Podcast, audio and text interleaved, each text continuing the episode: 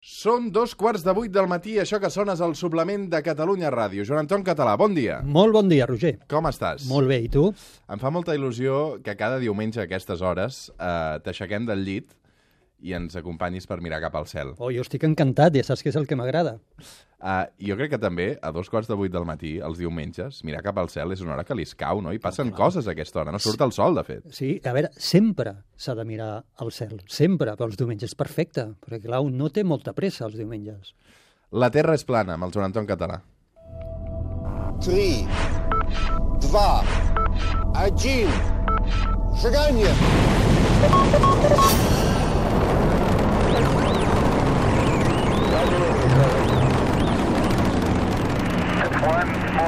Step for man,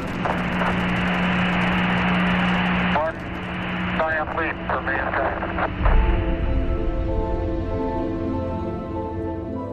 El Joan Anton Català, segurament alguns ja el coneixeu d'aquest estiu, és màster en astronomia i astrofísica, és químic quàntic, autor de les set retrats d'un univers sorprenent, de la novel·la juvenil Projecte Galileu.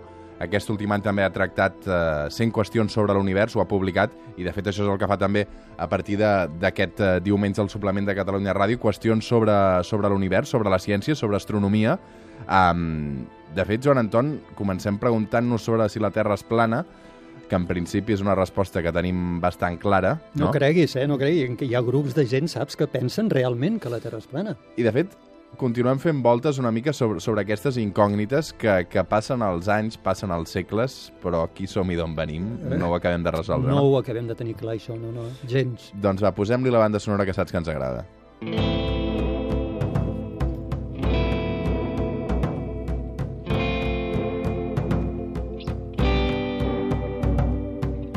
La terra és plana, ho sap tothom.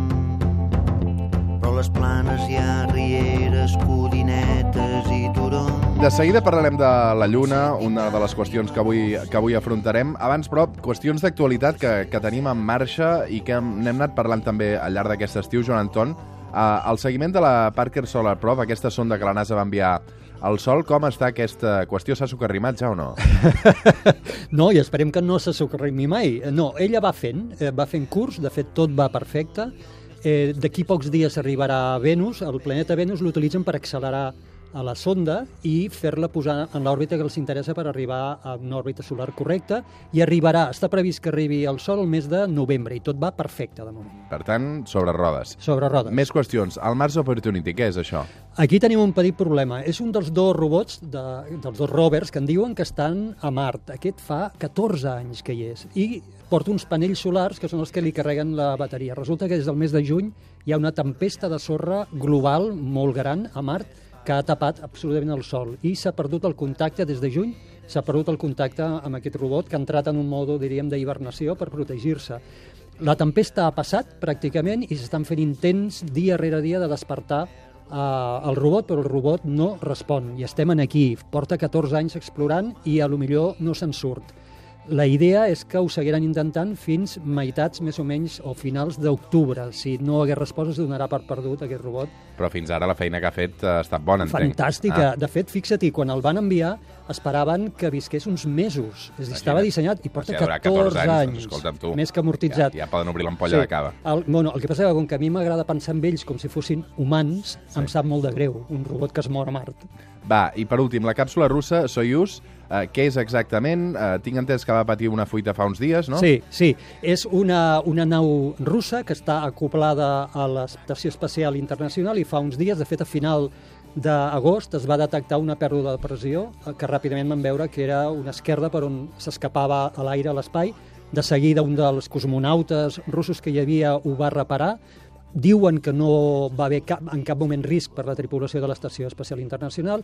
La qüestió és com s'ha pogut produir això. La primera hipòtesi apuntava al possible impacte d'un micrometeorit, però sembla, per les últimes notícies que hi ha, que sospiten d'un defecte de fabricació del mòdul fins i tot podria ser un sabotatge, no està clar, estan investigant perquè el forat és només de dos mil·límetres, però és Què- molt rodó. Què, què vols dir amb un sabotatge? Eh, bueno, no perquè es morís ningú, a lo millor, però sí que hagués pogut ser un, una, un intent que aquesta missió fracassés o qualsevol cosa. Tu hi veus la mà de Donald Trump aquí al mig? Eh, no, en absolut, no, no, no, no, en absolut. Bueno, Perdona, no ho sé. Ah. no, no ho crec, no, però per exemple hi ha, hi ha, és un forat de dos mil·límetres només, però és perfectament rodó, la qual cosa vol dir que ha estat fet en un instrument. Mala llet, eh? Eh, o error, o realment un error dels superaris que havien construït. Bueno, estan investigant, la qüestió és que es va reparar i no ha anat a més. Va, continuem mirant cap al cel, però una mica més enllà.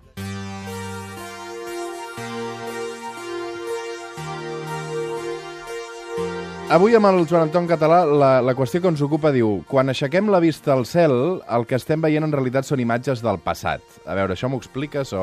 Clar, eh, és curiós, i això li demano a la gent també que hi reflexioni quan surti i miri les estrelles. Tot allò que estem veient allà dalt és, és llum que va sortir d'aquelles estrelles fa molt de temps, i aquesta llum ha estat viatjant durant molt de temps, ara veurem que són anys, o poden ser milions d'anys, fins a arribar als nostres ulls. Per tant, són imatges realment del passat, tot allò que estem veient és com un retrat d'alguna cosa que en algun moment hi havia i va ser, i ara potser ja no és igual. Clar, i com és possible que estiguem veient coses que, que realment eh, estan en el passat, no, Joan Anton? Clar, fixa-t'hi, aquí a la vida quotidiana tu ara a mi m'estàs veient com jo era, mm, res, fa uns nanosegons, el temps que triga la llum en rebotar la meva cara i arribar-te a tu, no? Llavors, a la nostra vida quotidiana això no té cap mena de significància. Diem, la llum és tan ràpida que no triga res. Però quan estem parlant de l'espai, objectes que estan molt, molt, molt lluny, la llum, tot i ser molt ràpida, de fet és el viatger més ràpid que té la natura, triga temps en recórrer aquestes distàncies. Quan dius que estan molt lluny, de quines distàncies estem parlant? Mira, perquè us feu una idea tots, quan sortim en una nit sense instruments i mirem el cel amb l'ull a simple vista, les estrelles que estem veient, a lo millor en estem veient que estan a 15 anys llum, vol dir que la llum va sortir fa 15 anys, 100 anys, 500 anys, fins a 1.500, 1.600 anys, que serien les estrelles més llunyanes que sense instruments podem veure. Clar, 1.600 anys és moltíssim. És llum que ens arriba, que va sortir d'allà fa 1.600 anys. Amb instruments encara podem veure objectes, evidentment, molt més llunyans, de milions d'anys, de milers de milions d'anys. Ah, igual aquests objectes ja simplement no hi són. Uh -huh. Um, tot això que m'expliques de la Terra també podria passar o no? Uh, la Terra, clar, a la nostra vida quotidiana el, el, la llum és tan ràpida que no té apenes... Uh, la podem considerar com quasi velocitat infinita, no? És a dir, jo tu t'estic veient tal com ets, eh? Exacte, No te- no t'imagino tres dies abans. Clar, no, són uns nanosegons, és tan ràpida. Mirem lo ràpida que és la llum, que la llum en un segon pot anar-se'n, en una mica més d'un segon, pot, pot anar a la Lluna, pot fer el viatge a la Lluna, o en un segon pot donar set voltes a la Terra. És rapidíssima. Imagina't, set voltes a la Terra. Per tant, tu ara m'estàs veient a mi com sóc pràcticament al mateix instant. Però a la Lluna l'estàs veient com era fa un segon. El Sol l'estàs veient com era fa 8 minuts.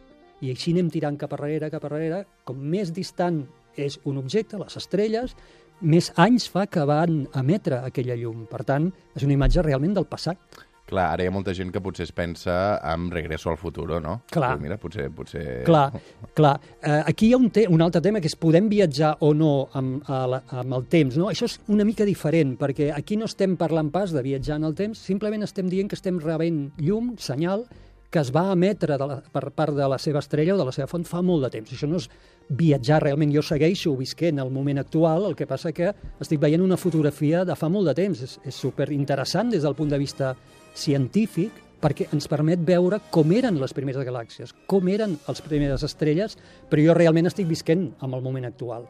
Lo de Regreso al futuro i el viatge en el temps és diferent, és que tu i jo puguem viatjar en el, en el temps, no? cap al davant o cap al darrere. Això és totalment diferent. Uh, òbviament, eh, part d'això és, o molta part d'això és ciència-ficció. Um, sabem que sí que és possible que el temps passi diferent, i això uh, hi ha exemples com el famós exemple dels dos bessons, que un bessó es queda a la Terra, l'altre se'n va en un viatge interespaial. No sé, explica'm aquest perquè em, em va fer molta gràcia una vegada fa temps ja que me'l vas Sí, explicar. Sí. veure, Dos bessons, Dos no? bessons. Un es queda a la Terra i l'altre se'n va. Se'n va molt lluny en un viatge interestel·lar i molt ràpid. Quan torna aquest bessó que ha fet el viatge, eh, troben tots dos que pel bessó que ha quedat a la Terra han passat molts anys. I això hi ha càlculs que en funció... En canvi, pel bessó que ha fet el viatge han passat pocs anys, han deixat de ser bessons des del punt de vista de l'edat. Per què? Perquè el temps, que nosaltres considerem que és una cosa com molt sagrada i fixa, no ho és. I el temps passa diferent aquí que a la Lluna, que eh, fins i tot que a dalt d'un gratacels, en funció de la gravetat i de la velocitat, el temps eh, és com un xiclet, es pot deformar. Escolta'm, i amb tot això que m'explicaves, eh, podria passar que veiéssim estrelles que ja no existeixen? Correcte, això eh, és exactament així. A simple vista, És difícil que això passi perquè les estrelles, la vida de les estrelles es, es, es medeix en, en milions d'anys. Per tant, eh, seria molta casualitat que amb els 200 anys que ha trigat aquella llum en arribar, aquella estrella ja no hi fos. Però amb telescopis, per suposat, per exemple, amb telescopis molt potents estem veient com eren les primeres galàxies o estrelles de l'univers. Segur que ja no existeixen, seguríssim. Uh -huh. uh, quin és l'objecte més llunyà que podem veure sense l'ajuda de cap instrument? Ah, això és molt, molt xulo perquè la gent no hi pensa mai i mira, n'hi ha dos objectes que comentaré. Un el podem veure encara ara al setembre eh, i l'hem vist durant tota l'estiu, que és la Via Làctea. Des d'un fora de la ciutat, des d'un poble, veiem la Via Làctea, que és la nostra galàxia creuant pel cel. Hem de pensar, la propera vegada que la veiem, que estem veient llum que va sortir del centre de la nostra galàxia quan l'home habitava les coves d'Altamira, fa 25.000 anys. Per tant, Via Làctea la tenim a 25.000 anys llum i la veiem amb l'ull nu. L'altre objecte és una petita... Des d'on es veu amb l'ull nu? Eh, des de qualsevol lloc on tinguis un cel fosc. Des dels Sí? pobles, absolutament. Només cal separar-se una mica de, de les grans metròpoli de, de Catalunya. A Catalunya tenim fo, eh, nits, eh, cels perfectes per veure la Via Làctea, sobretot a l'estiu. Mesos d'estiu vol dir juliol, agost, ara al setembre encara la podrem veure fins final del mes. Una nit sense lluna, fosca, creuant pel cel, la taca de la Via Làctea, 25.000 anys que fa que la llum va sortir d'allà per arribar-nos avui i dins de soc la Via Làctea. No? Hi ha un altre objecte que podem veure com una taqueta al cel, aquest costa més de veure si no te l'ensenyen, però en uns prismàtics els podríem veure perfectament, que és la galàxia d'Andròmeda. Està a 2,5 milions d'anys llum. Vol dir que estem veient un objecte que va emetre la seva llum fa 2 milions i mig d'anys. Amb tot això, uh, si fem servir un telescopi, suposo que és més fàcil. Correcte, és més fàcil i podem veure objectes que fa més temps que van emetre aquesta llum. Exacte. Tu de telescopis també en saps perquè te'ls fabriques fins i tot, No? Els fabricava, els feia. Quan era, quan era jovenet... Ara ja te'ls compres. o Sí, què? és que, clar, jo en dic telescopis d'allò, no sé si mereixen aquest nom. Eren... Explica'm la història del, del Hubble, no sé si ho estem Sí, dient bé. del no? Hubble, sí. Del Hubble, exactament. Um, què és el Hubble i, i quines funcions Molt fa? bé. Eh, clar, nosaltres el que volem són cada cop telescopis més potents per poder veure coses més febles, diríem. L'atmosfera, que ens va molt bé per altres coses, per aquí ens molesta, perquè fa que la llum pateixi deformacions quan travessa l'atmosfera. Llavors el que fem és enviar telescopis en òrbita fora de, de, fora d'aquest escut, de forma que són telescopis com el Hubble, que és el primer, té l'honor de ser el primer telescopi espa espacial de la, de la història, eh, pot veure objectes mm, com galàxies, com estrelles, que fa molt temps que van emetre la seva llum. En aquest moment és el nostre telescopi de referència.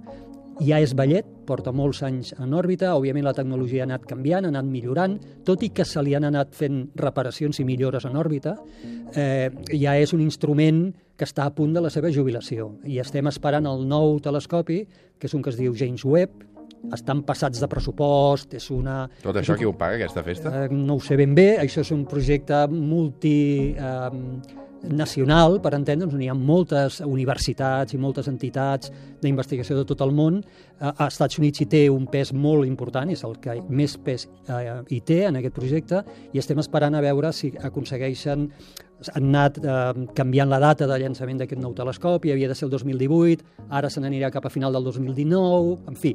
Però els telescopis aquests, l'avantatge que tenen és que com que estan fora de la Terra, poden, eh, tenen unes prestacions que no es poden igualar amb telescopis que tenim en aquí. Uh -huh. um, clar, evidentment, uh, tots aquests instruments, uh, malgrat aquest cost que m'expliques que tenen, uh, són importantíssims per entendre d'on venim no? I, poder, Correcte. i poder saber cap on anirem, no? Correcte, clar. Imagina't el Hubble, aquest telescopi que dèiem, en aquest moment està veient objectes que van emetre la seva llum quan l'univers era un nen, poc després de que es formés l'univers. Està veient com eren les primeres galàxies i les primeres estrelles. Això és fantàstic. És com si tu fossis un detectiu que volgués analitzar l'escena d'un crim i estiguessis veient com es produeix en directe davant teu el crim sense poder-hi interaccionar, perquè el crim va passar en el passat, però tu estàs veient com es va produir. Doncs l'astronomia va d'això. L'astronomia te- estem veient coses que van ser, i això ens permet estudiar com érem quan érem petits, com era l'univers quan es va formar, com eren les primeres galàxies, com eren les primeres estrelles. Som molt afortunats de que passi això, si no, no tindríem forma.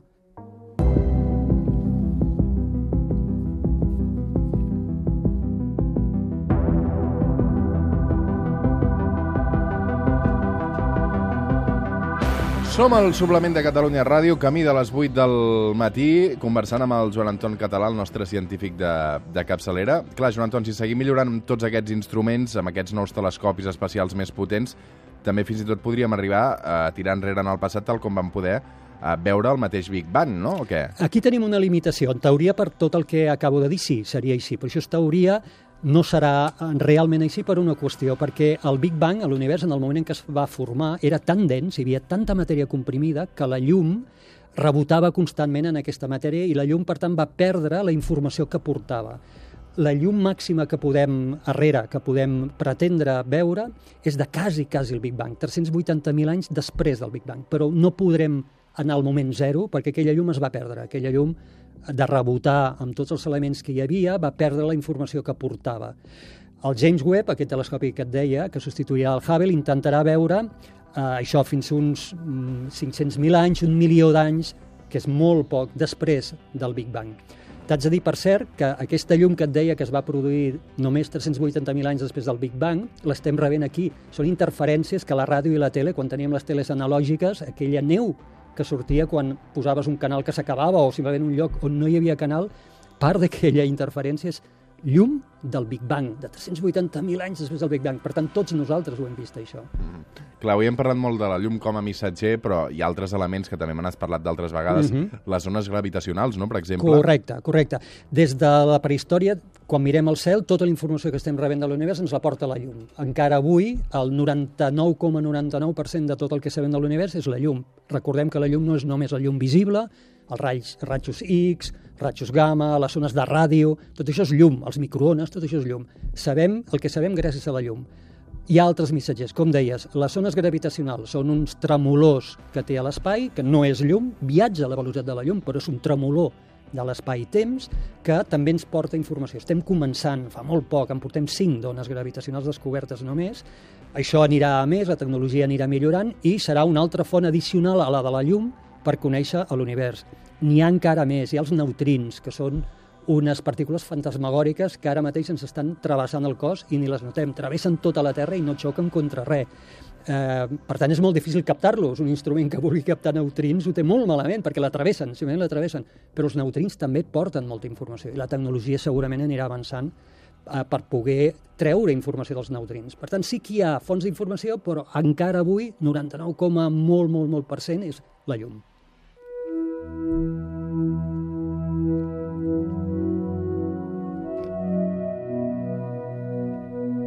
Joan Anton, hem d'anar acabant. Uh, abans, però, sempre et demano, uh, de fet, ho continuarem fent uh, al llarg d'aquests diumenges de, de matinada, pràcticament. Uh, tu, normalment, fins ara què feies a quarts de vuit del matí? Encara estaves dormint o no?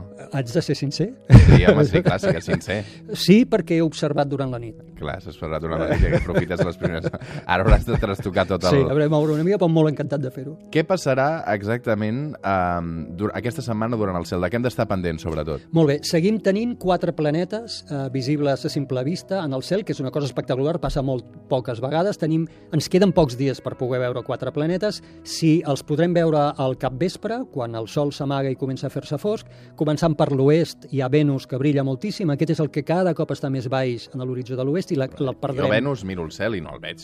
Ah, has de mirar cap a tu l'oest. vist me'l veus o no? Diu que tampoc, el tècnic. Vull No? dir que... Heu d'esforçar-vos una mica més perquè no costa veure'l. És que és l'objecte més brillant del cel després del Sol i la Lluna. No hi ha res més que brilli més que, que Venus. El tenim molt baix, això és, sí, és Més cert. a la dreta o més a l'esquerra? A l'oest. Ah. Has de localitzar l'oest, mirar a l'oest i sobretot tenir un horitzó oest pla. Perquè, clar, si tens arbres o muntanyes no el veuràs perquè està molt baixet. Mhm. Aprofiteu ara, que els, li queda pocs dies de poder-lo veure. Aquí, Molt- Quina és la millor hora per, per veure Venus? a la que es pon el sol, a la que comença a fer-se fosc, que cau al vespre, encara és una mica de dia, encara hi ha llum, ja Venus ja brilla Doncs, moltíssim. si mireu cap a l'oest, cap a partir de les 8-9 del vespre, Sí, dos quarts de nou, una cosa d'aquestes, perfecte. ja veureu Venus. Llavors, Què més hi veiem? movem-nos ara d'oest a est. Anem fent un arc, hem vist Venus, esperem que haguem vist Venus, ens movem. La següent planeta que podem veure és Júpiter. Tampoc té confusió. Júpiter, tu l'has vist, Isma, o no?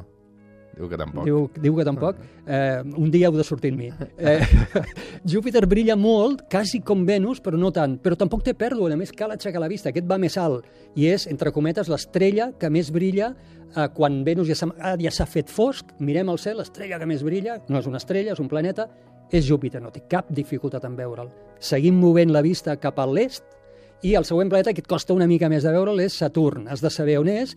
es veu, perquè es veu perfectament, és com una estrella brillant, no brilla tant com Venus i Júpiter, i aquesta te l'han de dir que és Saturn per saber-la reconèixer.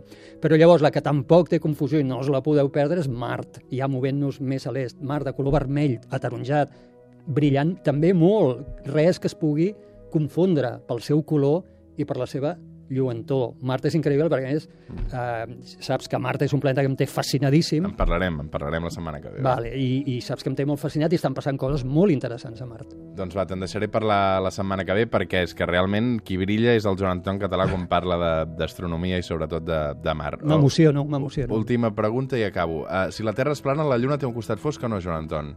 Eh, això s'ha dit moltes vegades. Tots tenim un costat fosc, però dit això, no, la Lluna no té un costat fosc perquè té una cara oculta, però la cara oculta hi surt el sol, es fa de dia, es fa de nit, per tant, hi toca també el sol. Joan Anton Català, un plaer. El plaer és meu, Roger. cada diumenge aquí a, al suplement Aquí de Catalunya seré, Ràdio. encantat. Una abraçada. Fins ara. Igualment.